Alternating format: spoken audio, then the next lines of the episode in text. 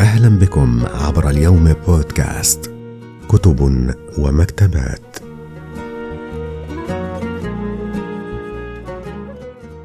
كتاب فن التخلي من العربية إلى الفرنسية.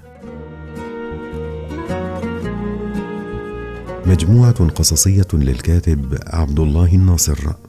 تدور أحداثها وشخوصها حول عائلة من الأب والأم والأخ بأسلوب جزيل لا يخلو من التشويق والإثارة دون تعقيدات لغوية مبالغ فيها.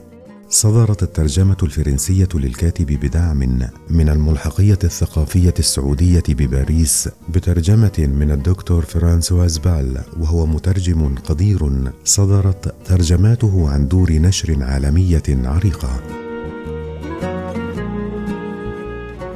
كان للنسخة العربية أصداء مميزة وكتبت عشرات المقالات عنها وصدرت خمس طبعات منها وأعد عنها بحث أكاديمي وصدرت لها ترجمات للغات الإنجليزية والأسبانية والصينية. كانت بداية عبد الله الناصر في الكتابة عام 2012 وله إصدار آخر في عام 2019 بعنوان العالق في يوم أحد.